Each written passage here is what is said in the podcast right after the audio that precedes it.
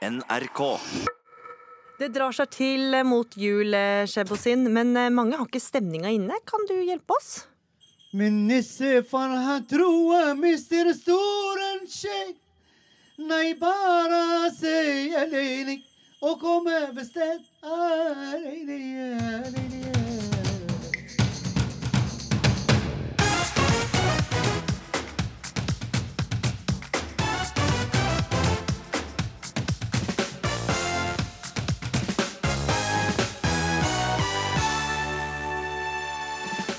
Klimaforhandlingene er på overtid. Jeg er skuffa over politikerne som ikke klarer å bli enige, sier 15-årige Tina fra Barnas klimapanel.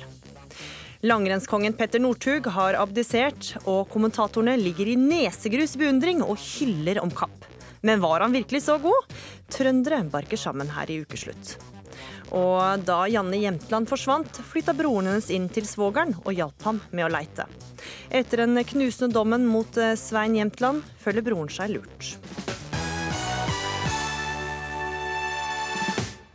Ja, du lytter til Ukeslutt. Jeg heter Gry Veiby.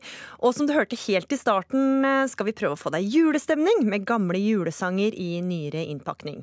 Ukeslutts husband i dag er The Source of Christmas, som du skal få høre mer fra snart.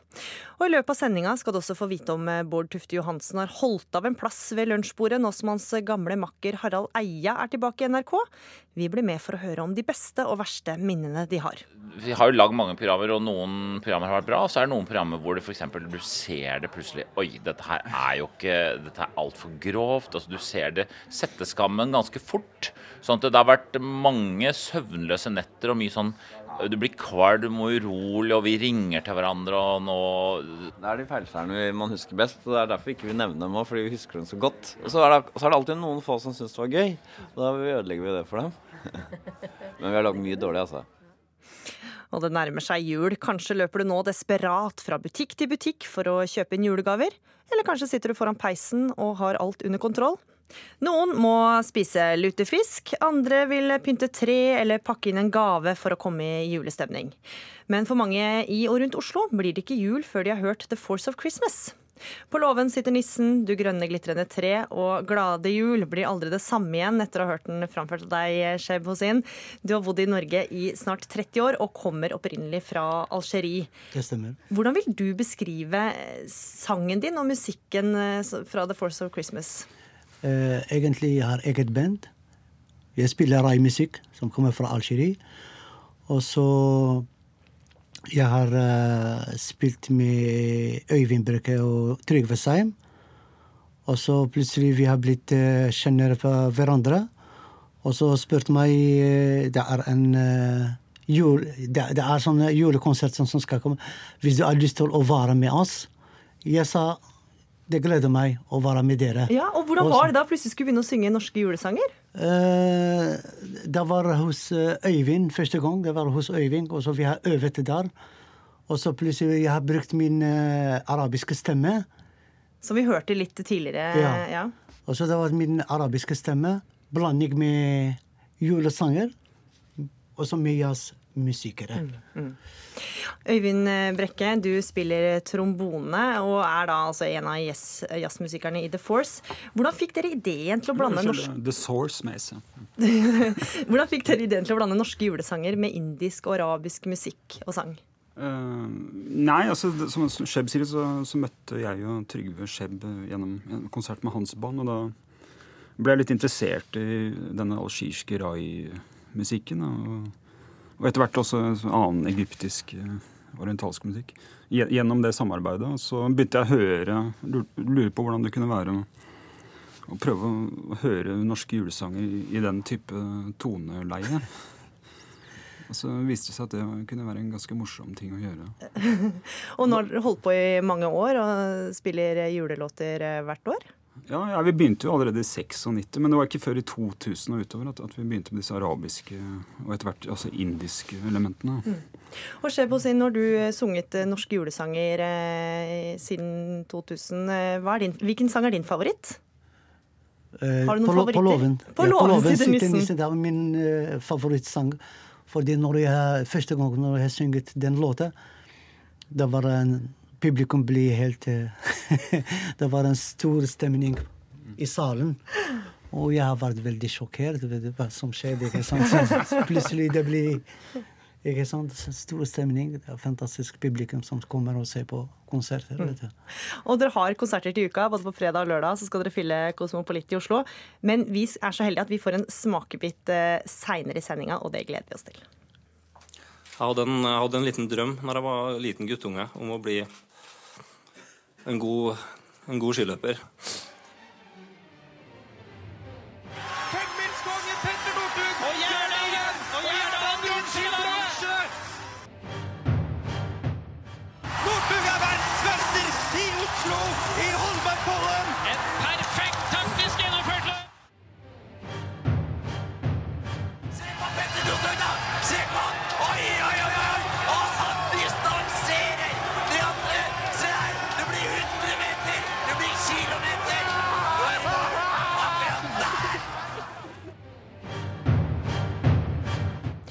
Mann som provoserte ved å gå sidelengs inn målstreken, pekte nese i retning svenskekongen og omtalte et VM-løp som barneskirenn.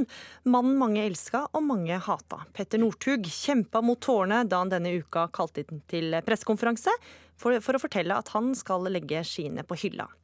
Og hyllestene fra et samla norsk og svensk pressekorps kom like raskt som den første tåren eh, som rant nedover kinnet til eh, Northug. Men ikke fra alle, og ikke fra deg, Pål Hellesnes. Du er journalist i Klassekampen. Tidenes største meg i ræva, skriver du på Facebook. Hva, hva legger du i det? Kan jeg bare aller først, så ikke leserne, nei, lytterne mener jeg tar feil av det her, få presisere at jeg er ikke sportsjournalist. sånn at her sitter jeg og skal Du uttaler deg som en trønder og mann i gata. Trønder og journalist og mannen i gata eller et eller annet der i, i duren, så jeg skal snakke om ting jeg ikke kan noe om, og det er jo greit. Eh, men nei, altså, det var jo ikke Jeg har jo ingenting imot Petter Northug som person eller idrettsutøver. Utrolig dyktig fyr, men jeg reagerte litt sånn instinktivt på den ekstreme opphaussinga som var i media, og der det folk flomma over med 'tidenes største, vil aldri komme noen som han'. Og så er det sånn at eh, det er en kjønnsdimensjon i det her òg. Fordi Marit Bjørgen, som også har lagt opp nylig, eh, hun har jo vunnet åtte OL-gull og 18 VM-gull. Eh, men siden hun er kvinne, så må det tydeligvis en mann med to OL-gull og 13 VM-gull til for å bli kåret til tidenes beste. Og da eh, Så du mener at hun ikke fikk like god eh, hyllest da hun la opp? Nei, Hun fikk masse hyllest, eh, fortjent. Og det er fortjent at Petter Northug får hyllest òg, men jeg syns det er veldig typisk at de aller største ordene de hentes fram når det er en prominent mannlig utøver som, som gjør noe. Og som ikke har gjort det like bra som eh, Marit Bjørgensen. Nei, det, altså, poenget er jo at eh, det er mange ting i livet som vi ikke kan egentlig måle hvem som er best i. Hvem som spiller best på gitar eller jazz, liksom, sånn som de folkene som er her nettopp. Eh, men det er noen ting, og idrett er faktisk blant dem. For der er sånn, den som vinner mest, er best. Og vi vet at Magnus Carlsen er verdens beste sjakkspiller. Vi vet at Rosenborg er Norges beste fotballag. Og vi vet at Petter Northug ikke er tidenes beste langrennsutø- langrennsutøver. Birger eh, Løfaldli, du er journalist eh, eh, i Adresseavisen. Og i likhet med de fleste sportskommentatorene har du jo hylla Northug. Hva føler du nå? Uh, han, har han har helt rett i at uh, Marit Bjørgen er en større langrennsløper enn Petter Northug. Men uh, Petter Northug er den viktigste langrennsløperen gjennom tidene. Det handler både om prestasjoner, men også det han har gjort utenfor eh, skisporet. Eh, han har 13 VM-gull og to OL-gull. Det er litt mindre enn Bjørgen. Så akkurat den konkurransen, den vant han ikke. Eh, men måten han har utfordra og revolusjonert delvis landsporten på, den er det vanskelig å måle, og det er vanskelig å undervurdere den. Bjørgen fikk veldig hyllest da hun la opp i høst. Nei, i vår, mener jeg. Eh, Northug fikk stor hyllest nå. Jeg tror ikke vi skal sette dem opp mot hverandre, men som jeg skrev i en kommentar her denne uka her, nye vinnere har allerede kommet, men noen ny Petter Northug, den kommer ikke. Og Men, men på hvilken måte mener du at han har revolusjonert eh, langrennssporten, da? en ting er jo måten han gikk på ski på. Eh, Det andre er jo måten han har utfordra alle system og vedtatte sannheter på. Og måten han har fått opp interessen for langrenn. Eh, Tidlig på 2000-tallet så var jo langrenn litt traust. Det var ikke det som var hipt å holde på med. Eh, De siste åra så er jo langrenn fått en veldig oppblomstring. Eh, Jeg tror Petter Northug er en veldig viktig årsak til det. Ja, for eh, Hellesnes det er jo mange som mener at Northug var med på å kaste glans over den litt tradisjonelle, litt trauste idretten. La oss bare høre her. Bjørn Borg, Ingeborg Stenmark. You guys took a hell of a beating. Se på showmannen Northug! Han er helt Her er han en gris som driver med sine konkurrenter og det her er ikke inte Altså, Han er jo en mann som har skapt overskrifter, og har ikke det, er ikke det noe i denne idretten sårt har trengt? Gjør ikke det han til en stor idrettsutøver?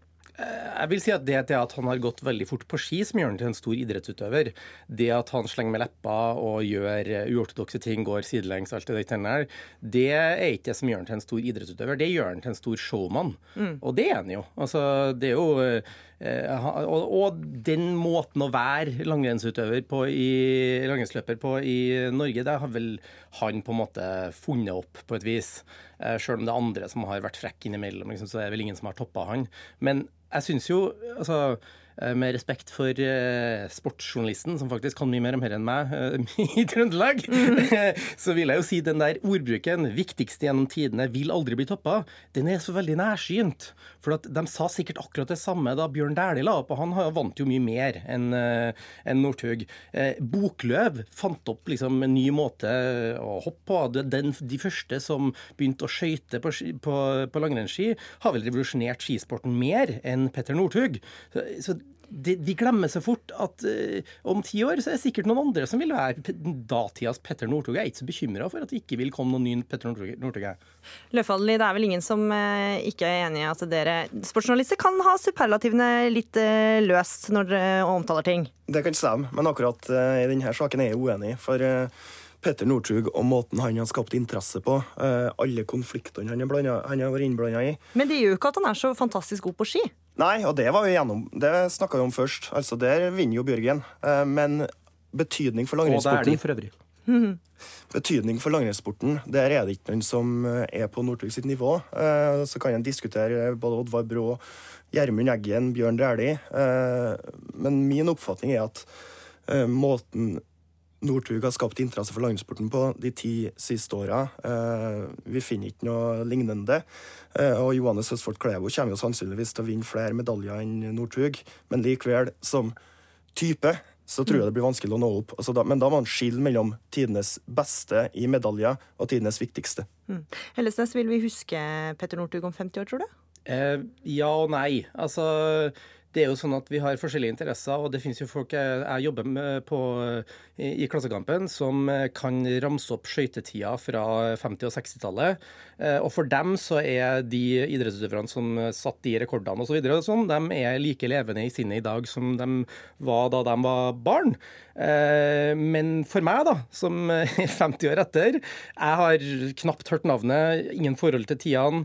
Og jeg tenker om 50 år så vil eh, Northug være glemt av veldig mange andre enn sånne entusiaster som Løfaldli. Ja, Løfaldli, hva, hva tror du? Du vil kanskje ikke glemme Petter Northug, men hva med oss andre? Nei, Vi diskuterer jo litt om er det sånn at Northug nå forsvinner fra spaltene. Eh, Jeg tror han er veldig interessant eh, resten av livet, fordi han er den typen han er. Og så kan det hende det blir så mye rampelysspaltene som, som på sportssidene, det vet vi ikke. Men eh, Petter Northug er en som veldig mange i Norge kommer til å ha et forhold til også om 50 år.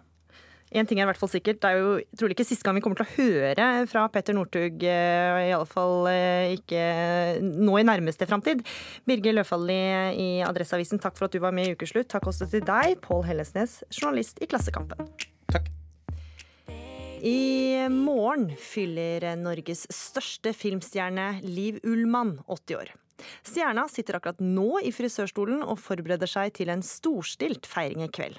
Vi skal straks møte henne, men la oss først mimre tilbake til noen høydepunkter fra hennes 60 år lange og begivenhetsrike karriere. Nora, kan jeg aldri bli mer enn en fremmed for deg? Å, Thorvald, da måtte det vidunderlige skje. Liv Ullmann briljerte både på teaterscenen, som her i et dukkehjem, og på det store lerretet, her i Arne Skauens Ann-Margrit. Hvor kommer du fra? Jens, hun kjører malm og slikt. Ja, hva heter du? Ane Margrethe Ollesdatter. Rollen i Jan Troels Utvandrerne i 1971 ble hennes internasjonale gjennombrudd. For den fikk hun en Golden Globe og en Oscar-nominasjon. Sverger du aldri over det at du ikke skal få ligge med noen annen enn meg? Nei, gjør du? Jaså, det var som faen. Det er bare en rent teoretisk sak. Jo, om det är något fel på meg, ja. Eftersom jag inte har den där sortens fantasier. Jag är nöjd, ja. Ja, men det är jag med. Scener fra et ekteskap var en av ti Ingmar Bergman-filmer hun har spilt i, og rollen i Ansikt til ansikt fra 1976 førte til nok en Oscar-nominasjon. Liv Alman in Face to Face. Etter hvert har hun konsentrert seg først og fremst om arbeidet som regissør. Statsminister, kulturkoryfeer av alle slag, til premiere på tre timer og åtte minutter, Kristin Lavransdatter i Liv Ullmanns regi. Og i kveld er det Liv Ullmann sin tur til å skride opp den røde løperen. Hun deltar i kampen om Gullpalmen med 'Troløs'. En opprivende film om kjærlighet og svik. Jeg hører David mumla något där bort i soffan. Skulle du möjligen vilja älska med mig? Jag fattar vad han hade sagt, men jag frågade i alla fall. Vad sa du? Och då vände han sig mot mig och... Skulle du vilja älska med mig? Og reporter her var Linn Beate Gabrielsen. Munever Yildiz, du er sammen med Liv eh, Ullmann akkurat nå. Er hun spent før eh, kveldens feiring? Det vil jeg tro, for eh, Liv eh, vet faktisk ikke hva som skal skje i kveld. Hun sitter i frisørstolen akkurat nå, har fått en kopp kaffe og skal gjøre seg klar. Jeg kan jo spørre Liv, du, hvordan er det å ikke ha kontroll på en feiring for en dreven regissør som deg? Det er veldig rart å ikke ha kontroll. På en måte er det spennende og morsomt, men det er bare alt det jeg er ute av kontroll med. Det hender mens jeg var i ferd med å gå inn en dør, så får jeg beskjed om nei, du skal den døren der, du, for nå skal du møte noen. Det blir litt vanskelig. Men i bunn og grunn jeg er kjempelykkelig, og jeg har aldri møtt så mye godhet og vennskap. Liv, liker du eh, overraskelser? Kan jeg spørre om det? Jeg elsker overraskelser, men det er når jeg sitter der og vet nå skjer det noen ting. Overraskelsene som skjer når jeg sitter på trikken og de sier nei, du må gå av nå, for det er noen som venter på deg på den stasjonen. Sånne overraskelser blir jeg litt stresset av. Du, Har du prøvd å finne ut hva som venter deg på den festen? Nei, det, ja, det har jeg. Jeg har ringt til noen som sitter i festkomiteen og sagt du, jeg er jo her i Amerika og jeg kjenner meg litt dårlig. Kan ikke du fortelle meg noe, for da kanskje jeg kjenner meg bedre. Ingen går på den. Ingen går. Det har ikke hjulpet, altså? Nei. Jeg vet ikke hva som skal skje på den festen. Og så skal jeg på Nationaltheatret i morgen, og jeg har gjort det samme der, men jeg får ikke vite noen ting. Men det jeg vet, det er at jeg er utrolig lykkelig, og jeg er så takknemlig. Og jeg har møtt vennskap og familiekjærlighet som er fantastisk. Og i kveld er det jo min datter som er vertinne og har arrangert det hele. Og det er kanskje det aller morsomste. Du, Liv, jeg må jo spørre deg. Du har jo opptrådt verden rundt i forbindelse med 100-årsmarkeringen av Ingmar Bergman. Hva er det som driver deg? Nå har jeg ikke vært verden rundt. Jeg har fått mange forespørsler, og til de fleste har jeg sagt nei. For det var sånne rare som, eh, land som jeg var litt redd for å, å, å reise til.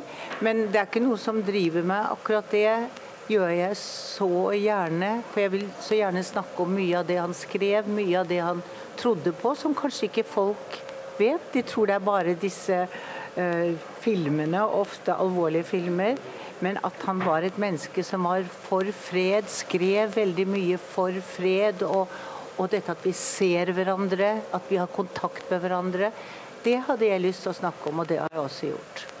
Det blir en veldig hektisk helg for eh, Liv Ullmann. Hun skal ta oss og fikse håret nå, og så skal hun på en fest i dag. Og så enda større fest i morgen for å feire 80-årsdagen sin. Du lytter til Ukeslutt. Fortsett med det. Dette er noe jeg aldri kommer over, sier storebroren til Janne Jemtland. Denne uka ble søsteras mann dømt til 18 års fengsel for drapet. Harald Eia er tilbake i NRK, men ikke alt er som før. Da jeg var 30, da vi lagde Lille Lørdag åpen på oss, så kunne jeg se ut som alt fra en 18-åring til en 60-åring med litt sminke og litt parykk. Tar jeg på meg parykken nå, så ser jeg, jeg ser sjuk ut. Og vi blir med Arbeiderpartipolitiker Masud Gharahkhani på julemarked. Jul for meg er jo Altså, jeg elsker jo sånn jul og juletradisjoner. For eh, litt over ett år siden forsvant Janne Jemtland. Og i flere uker lette politi, frivillige og familie etter henne. 13.1 ble hun funnet drukna i Glomma. Denne uka ble mannen hennes eh, dømt til fengsel i 18 år for eh, drapet. Og retten mener eh, drapet på Janne Jemtland framstår som en ren henrettelse utført av en kald og kalkulerende drapsmann. Dommen er anka. Terje Oppheim, du er storebroren eh, til eh, Janne. Og du var og er familiens talsperson.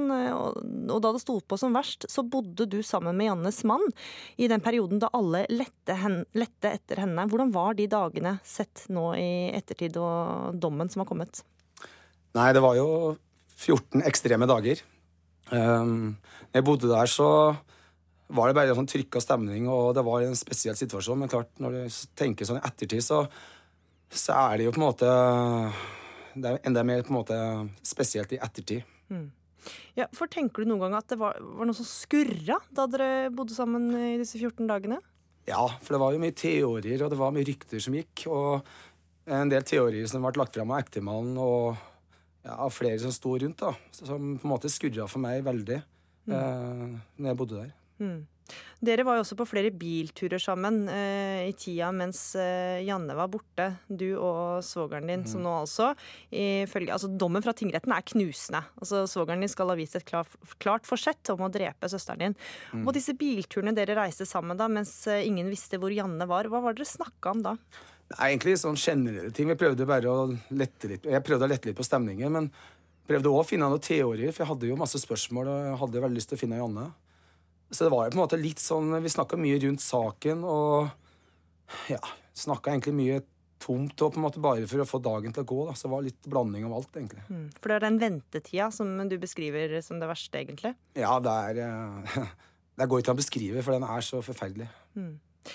Og så da det var svogeren din som ringte, eh, først ringte og fortalte at eh, Janne ikke hadde kommet hjem. Hva tenkte du da du fikk den telefonen? Nei, jeg hadde fått, eh, Han hadde sendt meg en SMS om at jeg kunne ringe han. Og så når jeg tok og telefonen og ringte da, så var det noe med det stemmeleia som på en måte uroa meg.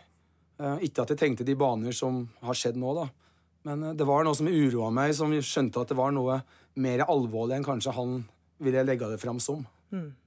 Du, du kjente det på kroppen at det var eh, Det var ikke bare at hun hadde reist til en venninne, som politiet først trodde? Nei, jeg, hadde, jeg fikk en mer uro i kroppen enn deg, ja. Eh, På grunn av det stemmeleiet hans og den samtalen vi hadde, som var litt unormal, på en måte. Mm. Så bestemte du deg eh, for å dra til Jannes familie for å hjelpe til i leitinga. Det var nærma seg nyttårsaften, og istedenfor å dra på nyttårsselskap, så dro du dit. Hvorfor ville du det? Nei, for da hadde jeg gått et døgn og vært veldig urolig. Og jeg hadde vært i Alpenbakken med barna mine. Og egentlig hele den dagen har jeg ikke klart å slappe av. Og så skjønte jeg jo på en måte at hvis jeg dro på det selskapet den kvelden, så ville jeg bare sitte og tenke på det her og hva jeg kunne ha gjort. Så da klokka fem på fire, så bare i løpet av de ja, Jeg dro klokka fire. Fem på fire bestemte meg, og da bare kasta jeg bagen i bilen, og så kjørte jeg nedover til Brumunddalen. Mm. Og hvordan var den bilturen? Nei, det er jo det er ikke så mange som gjør det, men når du kjører nedover Gudbrandsdalen på nyttårsaften, så har du hele veien for deg sjøl. Og masse tid til å tenke. Og det er, alt er jo på en måte spesielt, men bare at de kjører nedover den nyttårsaften. Og det får jo masse teorier i huet. Hva som kunne ha skjedd, hva, hvor er hun? Svarer hun snart? Du får masse sånne tanker. Mm. Og da, etter nesten to uker, så beslaglegger eh, Kripos huset. Eh, Og da blir svogeren din eh, arrestert samme dag. Ja. Hva tenkte du da? Nei, da hadde vi bodd der i 14 dager, og når politiet kommer inn da, så er det jo De er jo høflige og greie og forklarer hva som skjer. Men da skjønner jeg at da skal Kripos inn i bildet og ransake huset, den tredjemannsransakinga. Og da er det jo da er det en framgang i saken, og da skjønner jeg at det er en større alvor, alvorlighetsgrad i, i saken. Mm. Og det at svogeren din ble arrestert, da? Ja, da var ikke jeg der, da, men jeg var jo på politistasjonen. Mm. Så da fikk jeg en kraftig reaksjon. Det tror jeg er noe som har samla seg opp over de 14 dager. da. For jeg har på en måte vært litt i beredskap og vært litt i min egen boble for å skjerme alle inntrykk utenfra. Og når han ble arrestert, så var det så mange brikker som datt på plass, og da fikk jeg en kraftig reaksjon. Mm. Du har seinere da besøkt eh, Jannes mann i fengselet, han er, som nå også er dømt, men som har anka dommen. Hvorfor dro du til fengselet for å besøke han? Det var litt for å Jeg visste jo Det var så å si sikkert at jeg skulle vitne. så var det litt for å ta bort den brodden av det møtet jeg skal ha i rettssalen. Og så hadde vi jo snakka om noen få ting eh, under de 14 dager som jeg ville ha litt mer svar på. Men det var ikke noe sånn generelt om saken eller skyldspørsmålet. Det var mer eh, Det var noen spørsmål som han eh, sa de 14 dagene som jeg ville ha svar på. Fikk du svarene du trengte? Nei, jeg gjorde egentlig ikke det. Men jeg fikk liksom møtt den og tatt bort litt den der brodden av å møte den senere. Mm, Hvordan var det å treffe han igjen, da? Nei, Det var litt sånn spesielt. Trykka stemning. Jeg satt jo og venta på han fem minutter i fengselet før han kom. Og det var lange fem minutter. Mm. Tingretten mener altså at han har drøpt eh, søstera di, og dommeren karakteriserte han som en kald og kalkulerende drapsmann. Du har kjent denne mannen her i 16 år. Hvilke Mm. følelser har du for han nå? Nei, De er bitre. Jeg kan ikke si noe annet. Jeg er skikkelig sint på han. Mm. Eh, Det var jo en knusende dom i, i rettssaken. Uh, Ut ifra det med bevisføringa så er det jo Det er jo sånn jeg har sett på saken ja, som aktor la fram, og dommen ble. Så jeg må jo bare si at jeg er skikkelig bitter. Mm. Er det, som sagt så bodde du jo der i 14 dager. Er du, har du tenkt noe i ettertid? Er det noe du angrer på at du gjorde eller ikke gjorde i løpet av den perioden? Nei, jeg, syns jeg egentlig gjorde alt riktig sånn ut ifra den situasjonen jeg sto i. Jeg støtta dem og støtta gutta, og jeg visste jo ikke mer enn det jeg visste ikke det jeg vet i dag. Mm. Så jeg føler egentlig at eh, når jeg tenker tilbake igjen, så syns jeg både i forhold til media og alt de håndterte, så er det egentlig ingenting jeg angrer på, egentlig. Så. Eh, For du sier gutta og Janne Jemtland etterlater seg to barn. Hvordan går det med dem? Nei, de har jo vært med på noe så ekstremt som det går an for to barn som er 11 og 14 år. Nå var jo 10 og 13 år det skjedde. Så jeg syns ut ifra forholda så går det jo kjempebra med dem. De har fått et helt fantastisk fosterhjem, og vi har fått noen nye familiemedlemmer, føler jeg. Så mm. jeg syns det går veldig bra med dem. Mm. Og for mange som har fulgt denne saken, bildet av søsteren din har vært på alle forsider. Men du kjenner henne jo, eller kjente henne jo. Altså, hvem var Janne? Nei, hun var jo ei flott dame med pliktoppfyllende og veldig godt likt av venninner. Hun på en måte Og hun fikk jo et vitnemål i rettssaken om hvordan hun var som studievenninne det lille halvåret de fikk kjenne henne. Eh, Og hun var veldig god skussmål. Men klart, hun har vokst opp eh, er mora vår tidlig, så har jeg vokst opp uten en morsfigur. Så hun har jo på en måte lært seg å bli dame på sin egen måte. Og jeg, dess eldre jeg ble, dess mer fantastisk ble jeg egentlig. Mm. Og dommen er altså anka. Nå går det mot en ny runde. Hvilke tanker gjør du om det? Nei, det er, nå er det jo det er, Dessverre så har det blitt litt vane det her å gå i det der vi har gått det siste året. Eh, nå er det godt å få slappe av litt, og det har kommet en ganske knusende dom allerede i tingretten. Eh, og nå, går, nå må vi bare forberedes på at nå blir det en ny runde i lagmannsretten. Men nå vet vi litt hva som kommer, da. Mm. Og jeg føler meg litt tryggere nå når vi går inn i lagmannsretten, ettersom den dommen i tingretten var så knusende. Terje Opheim, tusen takk for at du var med i Ukeslutt. Jula er en tid for tradisjoner. Enten du kommer fra en lutefiskfamilie, en, eh, eller om du sverger til ribba. Men det er ikke sånn at du trenger å være født og oppvokst med jul for at det skal bety noe helt spesielt for deg. Reporter Julia Afshari Kaasa har møtt en av dem. Jul for meg er jo Altså, jeg elsker jo sånn jul- og juletradisjoner. Jeg husker jo liksom da jeg var liten og vokste opp i Skotselva, så var det jo dette med at vi hadde nissefest. Så da kom jo alle nabolaget sammen, og julenissen kom, og vi fikk eh, godteri. Det sier Masud Gharahkhani, stortingsrepresentant for Ap, stolt drammenser, muslim og juleentusiast. Du får jo sånn skikkelig julestemning når du er eh, her. Det gjør du. Det lukter eh, jul og Vi befinner oss eh, på julemarkedet rett utenfor Stortinget i Oslo. Det lukter kanel og bakverk, og rundt oss står små boder med hjemmelagede nisser og glassflasker med gløgg. Over høyttaleranlegget spilles julemusikk. Det er tre minusgrader, og snøen har så vidt lagt seg i hovedstaden. så er det liksom ålreit kjøpe seg litt eh, varm sjokolade med litt krem, og så sette seg, og så kan jo Gharahkhani flyktet fra Iran til Norge da han var fem år gammel, sammen med foreldrene sine. Når vi flytta til Skotselv, så var vi på mange måter uh, alene. da. Det var meg og mor og far. Den aller første jula i Norge ble likevel ikke ensom for den lille iranske familien. For på Skotselva i Drammen var nærmeste nabo en eldre kvinne som het Pia. Og hun inviterte Gharahkhani-familien hjem til seg for en ekte norsk julefeiring. Eh, Og der lærte vi om jul og juletradisjoner og julegave. Og Og Bia blei jo en eh, bonusbestemor da, for meg og familien, så hun tok vare på oss.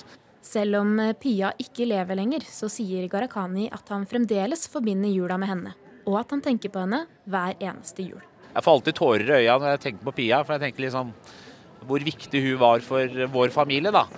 Ofte så får du det spørsmålet hvordan har du klart å bli så godt integrert i Norge? Jeg tror liksom Pia var viktig. Altså det at eh, hun tok oss inn. Viste både hjertevarme og, og blei bonusbestemor for meg og min familie. Det har betydd mye. Ifølge Statens institutt for forbruksforskning er det bare 1% av alle som bor i Norge som lar være å feire jul. Det betyr at mange av dem som ikke har vokst opp med juletre i stua, også samler seg rundt et bord for å spise god mat sammen med familien på julekvelden. Jeg, jeg bodde her i 31 år. Jeg har vært på mange julefest. Eh, Jeg har, jeg har feiret jul mange år. Med familier, norske familier, alt det der. Være sammen med familien. Det man gjør i jula, det, det vanlige, tradisjonen. Ja, det blir pinnekjøtt.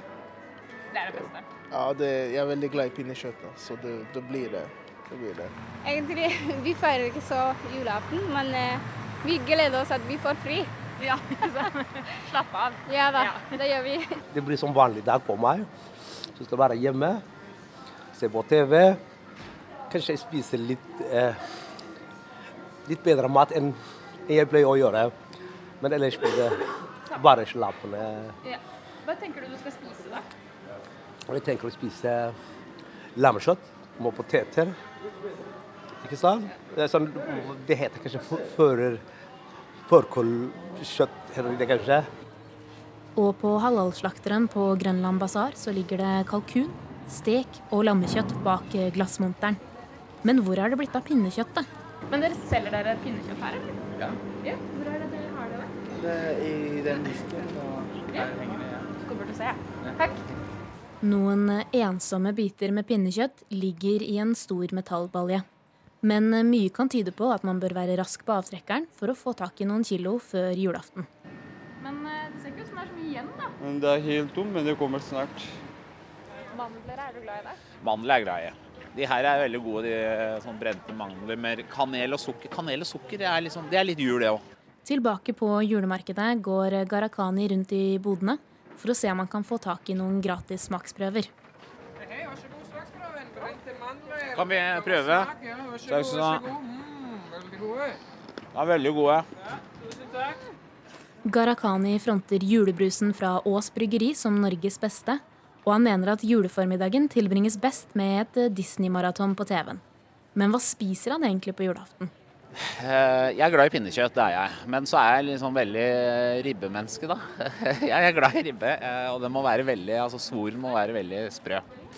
Eh, Kona mi er ikke så veldig ribbemenneske, hun er mer eh, glad i eh, kalkun.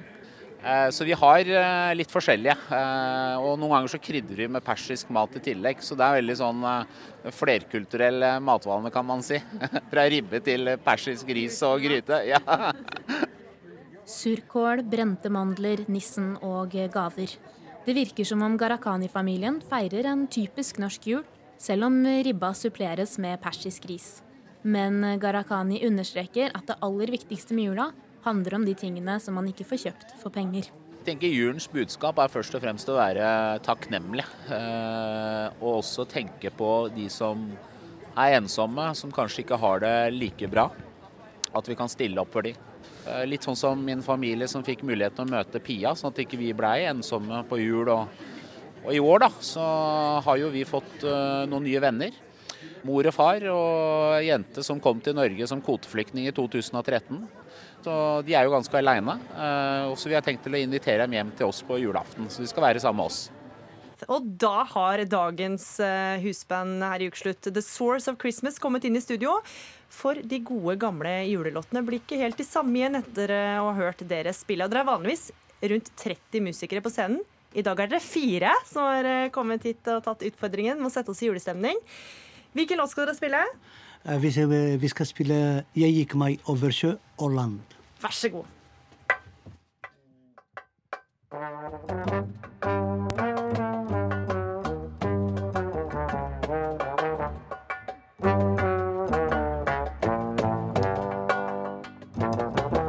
يجمع وفرش ولن در متين نكمل من يالي هسبرت السوهن ساقدر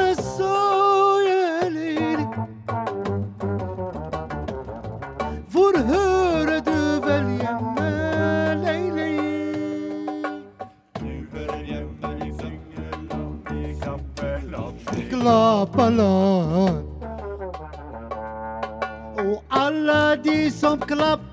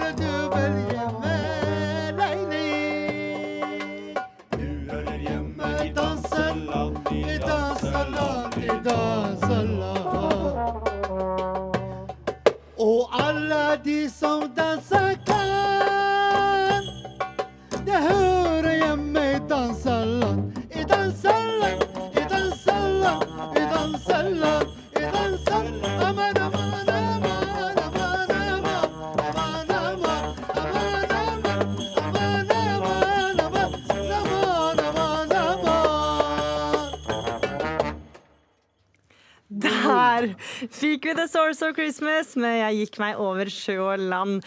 Skjebb på sin sanger, Øyvind Brekke trombone, Mats Eilertsen på bass og Per Oddvar Johansen på tromme. Vi skal høre litt fra dere igjen seinere. For eh, det er ikke bare artister eh, som kommer inn i studio her. Det er også deg, Anders eh, Borgen Werring, kollega, og for du skal komme. Siste nytt og stikkord i nyheten i dag er gule vester. Ja, for eh, femte helgen på rad så har eh, demonstranter med gule vester samlet seg på paradegata Champs-Élysées i Paris. Eh, Det som begynte som en protest mot økte drivstoffavgifter, har utviklet seg til eh, en grasrotbevegelse med krav om bedre levekår for vanlige franskmenn. Foreløpig så er det relativt rolig, men eh, politiet har skutt med tåregass mot noen av eh, demonstrantene. Hvilke andre saker er det som preger nyhetsbildet i dag? En mann er drept med kniv i en lavoliggende utleiehytte i Holmenkollen i natt. Og en mann fra Latvia er siktet for drap. Og så venter vi på at verdens ledere skal bli enige om en avtale på klimatoppmøtet i Polen. Det forhandles på overtid, men eh, ifølge klima- og miljøminister Ola Elvestuen så skal det nå foreligge en ny avtalestekst, i hvert fall. Ja, nå har vi fått framlagt eh, en ny tekst fra presidentskapet nå i dag tidlig, litt over åtte. Og, og etter vår vurdering så er dette et godt grunnlag for å få en eh, beslutning. Klimatoppmøtet i Katowice i Polen skulle vært over i går. Men landene forhandler på overtid for å bli enige. Målet er eh, å få på plass konkrete regler for å nå målene i Parisavtalen om utslippskutt. Og det er nesten 200 land som skal bli enige om hva som skal gjøres for å redde verden fra brutale klimaendringer. Men reporter Eivind Molde, det lover vel ikke så godt at de sitter på overtid. Hva skjer nå? Altså det som skjer, er jo at det, det er en del møter i, i kulissene her. Altså, som på overflata så skjer det jo nesten eh, 0,0. Altså jeg, jeg står ute i en svær hall eller korridor utenfor den store eh, plenumssalen, der de skal kanskje banke gjennom en avtale senere i dag. Og Her går folk litt sånn fram og tilbake, ganske rolig. Det har kommet nye bagetter nå for en liten stund siden. En del mediefolk står og, og rapporterer om det som skjer eller ikke skjer. Og så helt innerst borte her, innerst i korridoren, og så inn til venstre, der er liksom det aller eh, helligste. Der er eh, FN har sitt hovedkontor eh, for konferansen der, og så går det en del folk inn og ut for å delta i disse møtene som pågår for å avklare eh, de siste detaljene. Så det foregår eh, veldig masse inne i, inne i møterommene der. Jeg ser forresten akkurat nå inne i, inne i plenumssalen, og den er, den er nesten tom. Men eh, så spørs det da når den fylles opp, og når de kan bli eh, enige om et eller annet i løpet av dagen. Mm, Ja, For eh, alle vet at de sitter på overtid, og klokka tikker. Hvordan merker du det på stemninga? Nei, Folk er jo utålmodige, fordi at eh, vet, dette er jo eh, møte, altså konferanse nummer 24 av, eh, av eh, klimatoppmøtet. Så det har jo pågått lenge, dette. Parisavtalen kom jo i boks ikke sant, for tre år siden, og det var jo et, et gjennombrudd. Men nå skal disse reglene på plass og en del andre ting, sånn at folk er veldig utålmodige på at, eh, at det blir et positivt resultat her. fordi at ellers så vil, så vil bare tida gå og gå. Og alle rapporter viser jo at det haster å få på plass eh, en oppfølging av Parisavtalen, slik at den kan settes ut i livet og fungere sånn som den er tenkt. Og Da må dette møtet bli en eh, suksess, rett og slett. Eh, Sånn er det. Når kan vi vente oss en avklaring, da? Nå bort, skal jeg gå bort til den skjermen som stadig blir oppdatert her. Med, for Det skulle jo være et møte klokka fire i natt, der de skulle diskutere den teksten som, eh, eh, som var klar, forslaget. og Det ble utsatt til klokka 10, og så ble det utsatt til 12.30, og så 12.45, og nå er det 13.30. Altså om eh, eh, i 19 minutter skal det faktisk være et plenumsmøte her. Og så står det 15.15 15.15 Joint Plenary Meeting for Closing Statements. Så Mm. kanskje alt er over og i boks klokka kvart over tre. Mm. Det kan bli utsatt. Mm. Vi kommer i hvert fall til å følge nøye med på dette, eller deg, du Eivind Molde. Her i studio sitter du, Tina Woie. Du er 15 år gammel og medlem av Barnas klimapanel. Du har også vært i Polen og kom hjem seint i går kveld etter å ha vært på klimatoppmøte. Hvordan var det å være der? Eh, Det har vært veldig stort. Eh, Så jeg har gleda meg til å være med på det møtet her i, siden jeg ble valgt inn i Barnas klimapanel av Miljøagentene eh, for et år siden. Og eh, så var jeg veldig delt, egentlig, fordi samtidig som jeg gleda meg veldig til å møte aktører fra sivilsamfunnet og folk fra nesten 200 forskjellige land med forskjellige bakgrunner og forskjellige meninger, så er det en veldig seriøs tone over det hele, fordi de sitter og diskuterer fremtiden min og norske barn, og også til resten av verden.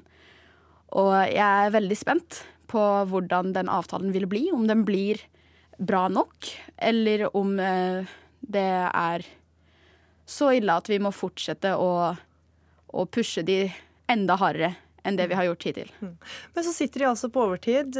Hva tenker du om eh, at de gjør det? At de ikke har klart å komme fram til en avtale enda? Jeg syns jo det er dumt. Eh, samtidig så er det bra at de tar seg tid til å prøve å bli enige om noe som forhåpentligvis da blir en god nok avtale for alle parter. Eh, for det er jo sånn at vi i Norge er ikke de som blir mest eh, utsatt for det her. Og eh, veldig mange av de mindre utvikla landene er veldig tydelige på at de trenger en kraftig, bedre klimaavtale enn det vi har, og bedre regler for en rettferdig avtale. Så eh, det er bra at de bruker lang tid på å bli enige, altså å få til noe som er bra nok.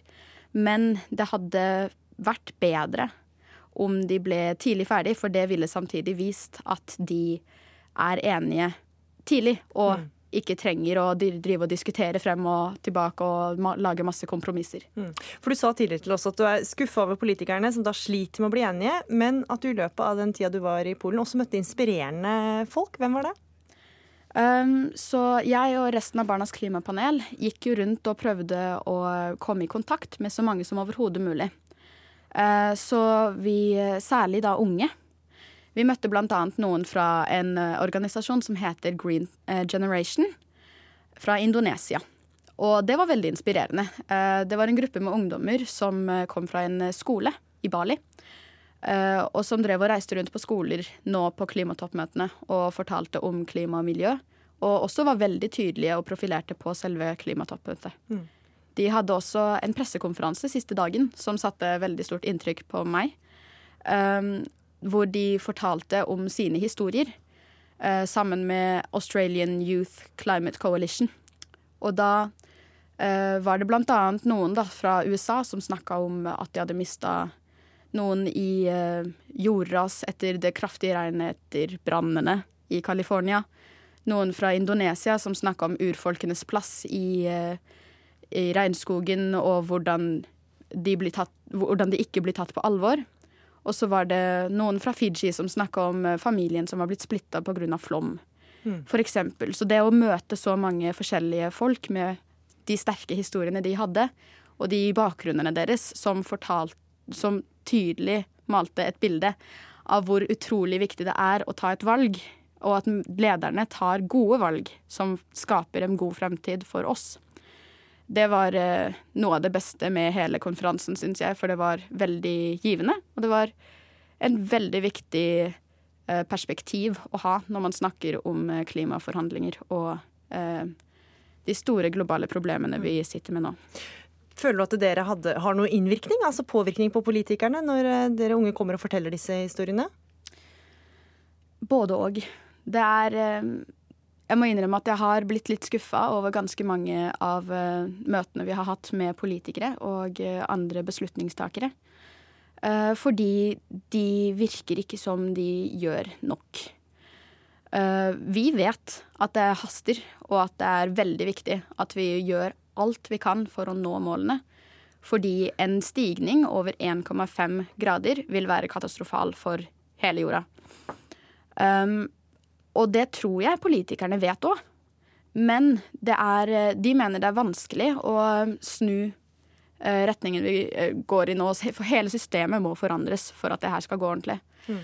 Eh, så det er klart det er vanskelig eh, å drive og bytte over til eh, ren energi og uh, gå fra bruk-og-kast-samfunn til en mer sirkulær økonomi og alt det som trengs for å hindre klimaendringer.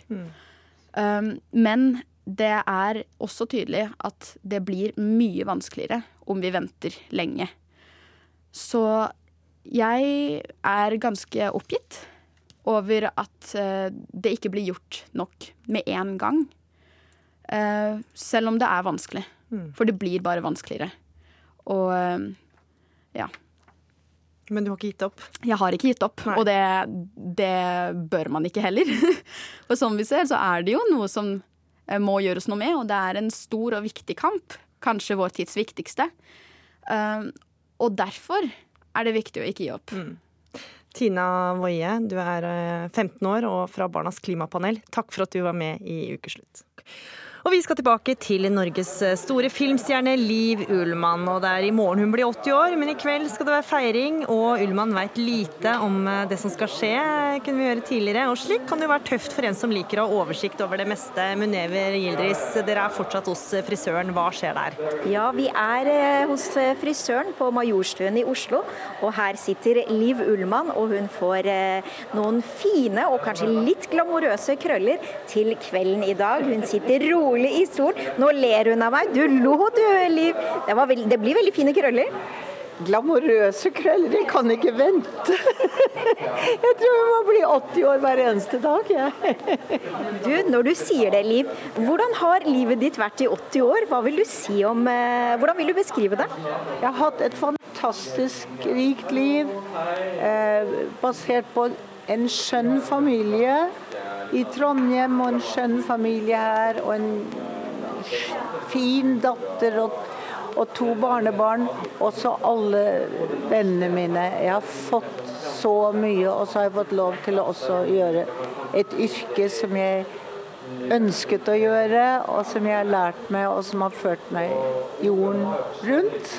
Og så har jeg fått se mennesker som ikke har fått alle de privilegiene som jeg har. Verken beholde sin familie eller gjøre sitt arbeid eller noe. Og det er kanskje de som har gjort størst inntrykk på meg. Og hvis jeg får lov til å si en sak til Vær så god. Med mine glamorøse krøller. Det er ikke alle 80-åringer som får feire dagen sånn som jeg gjør det. Og da har jeg lyst til å si at hvem man skal gi gave til, som jeg kjenner veldig sterkt, det er Kirkens Bymisjon. Alle de som ikke har fått de gode sjansene. Det er jo helt eh, fantastisk at du sier det nå eh, rett før jul, Liv. Du, hvis vi går tilbake, hvordan har karrieren din vært? Hva vil du trekke frem som det beste du har gjort? Nei, det, det, det vet jeg ikke. Noe syns jeg var bra, det syns ikke andre var bra. Og noe syns andre var kjempebra. Jeg tenkte i all verden, var det så spesielt? Jeg er ikke så opptatt av det. Jeg er faktisk mest opptatt akkurat nå at jeg skal få glamorøse krøller. Og det er hos min yndlingsvenn, frisør.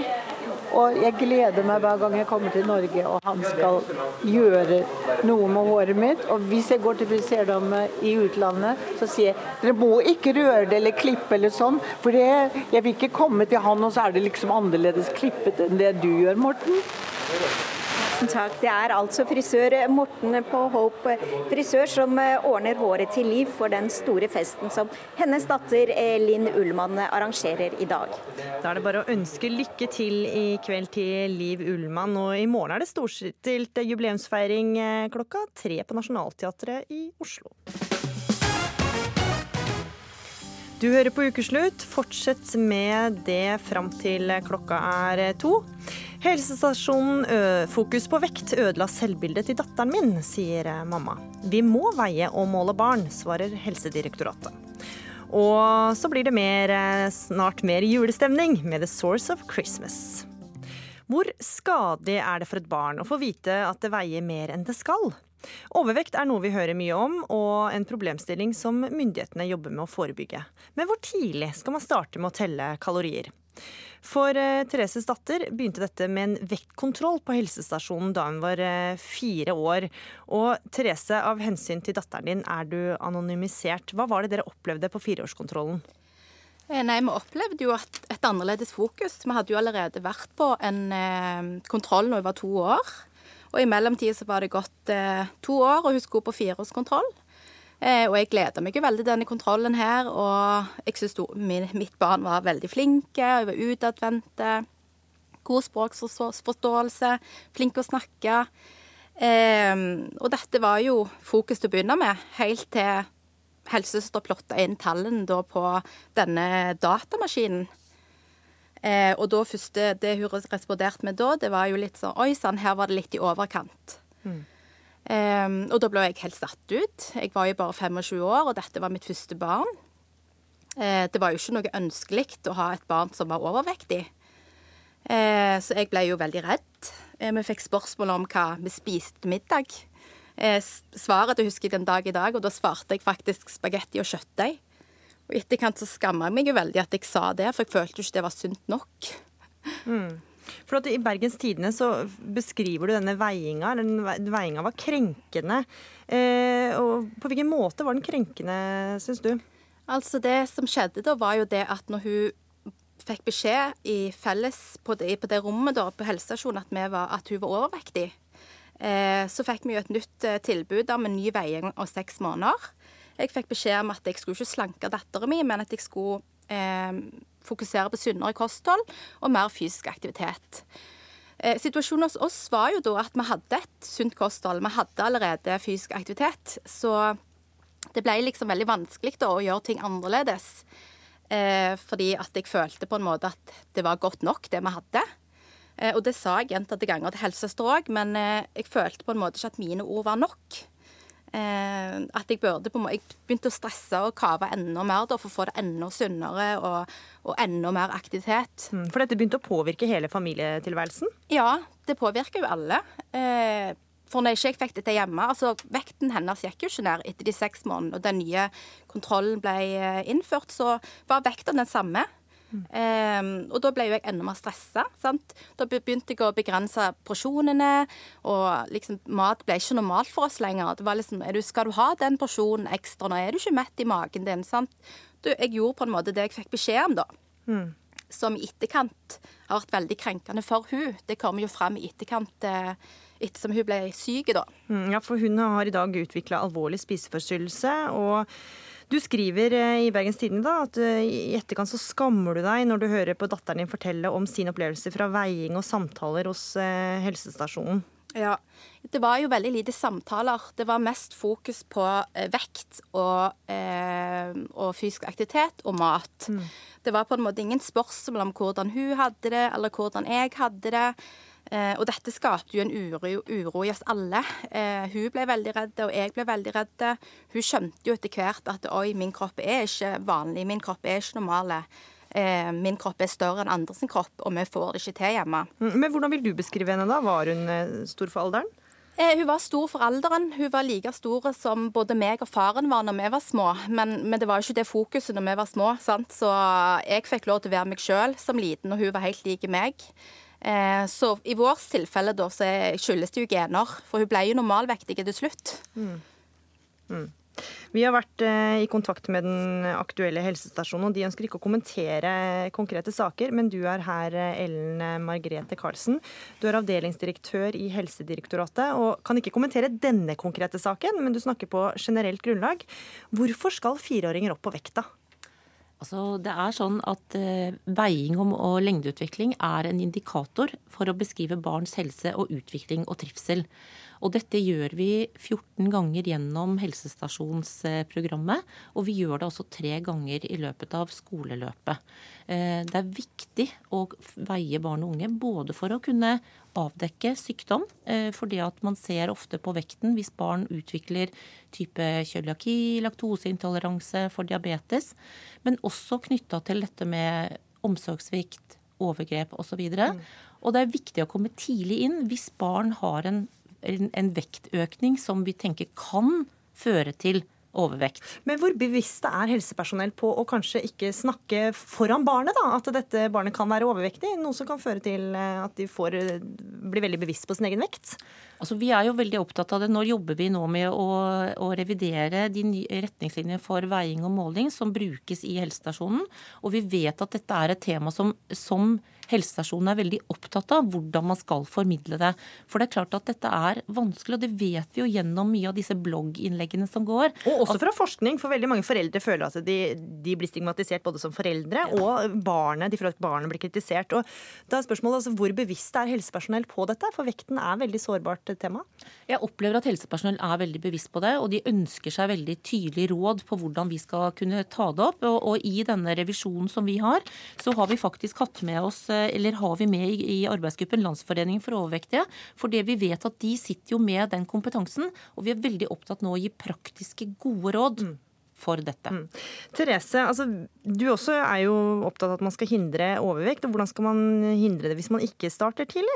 Absolutt, jeg er kjempeopptatt av det. og det er jo sånn at Enkelte barn har jo problemer med overvekt, og det er jo veldig viktig å ta det, det alvorlig. Men eh, jeg tenker at vi kan ikke ofre eh, Altså, psykisk helse kan ikke gå bekostning på at en god fysisk helse.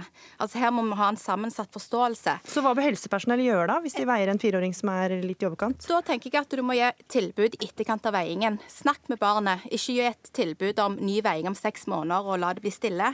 Da må du jobbe videre med familien, spørre hvordan de har det, spørre hvordan barnet har det, hvordan tar barnet veiingene. For det jeg har fått vite i etterkant av min datter, er jo at disse veiingene har opplevd veldig krenkende for henne. Hun husker i etterkant at hun har stått på ei vekt. Hun husker ord som 'oi sann, her var det litt overkant'. Og da var hun fire-fem år. Eh, og det jeg tenker er helt greit å veie, veldig viktig, men du, altså, du snakker om overgrep og omsorgssvikt. Men jeg tenker da må du koble på psykisk helse. Da må du faktisk spørre barnet og snakke med mor, ikke kun om kosthold og vekt og fysisk aktivitet. Mm. Altså, Vi er jo veldig opptatt av å forstå barnets vektutvikling i en større kontekst. ikke sant? Og jeg tenker at Det vi ønsker i vår vei, i våre retningslinjer, er å snakke med familien, også snakke med mor og far.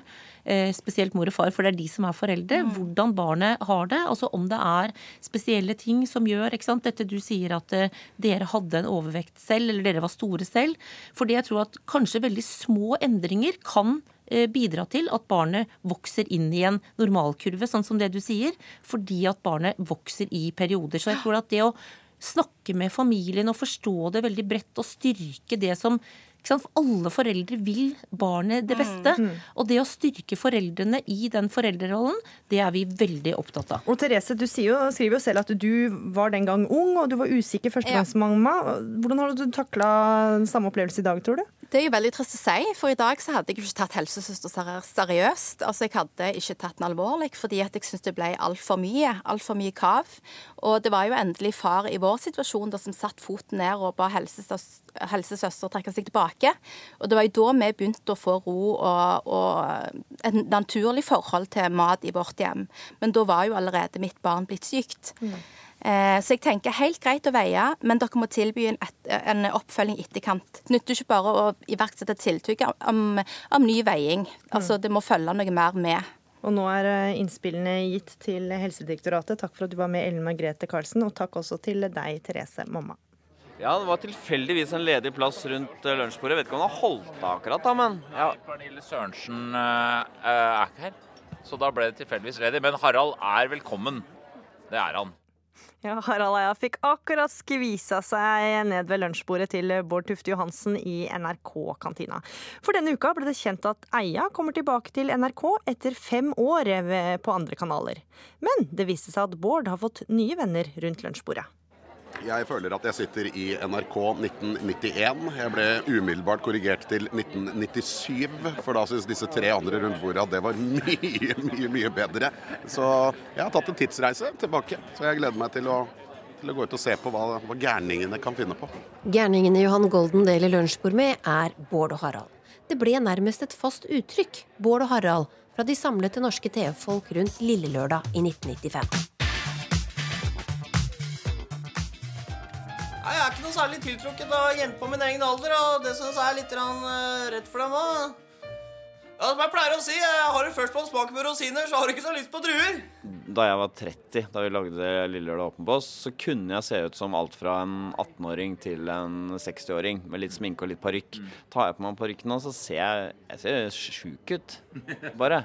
Du ser ut som en som har en alvorlig sykdom og har uh, tatt på deg en parykk. Ser det ut som da. Og da ikke snakk med han om den parykken. Norsk Tipping ble aldri helt det samme etter eh, Bård og Haralds Joker-Nord. Med oss på telefonen har vi vår faste deltaker. Hallo? Vil du splitte eller herske? Og vi splitter nå! Og se hva som skjer. Nei, se der! En liten hundevalp på Jeg stemmer.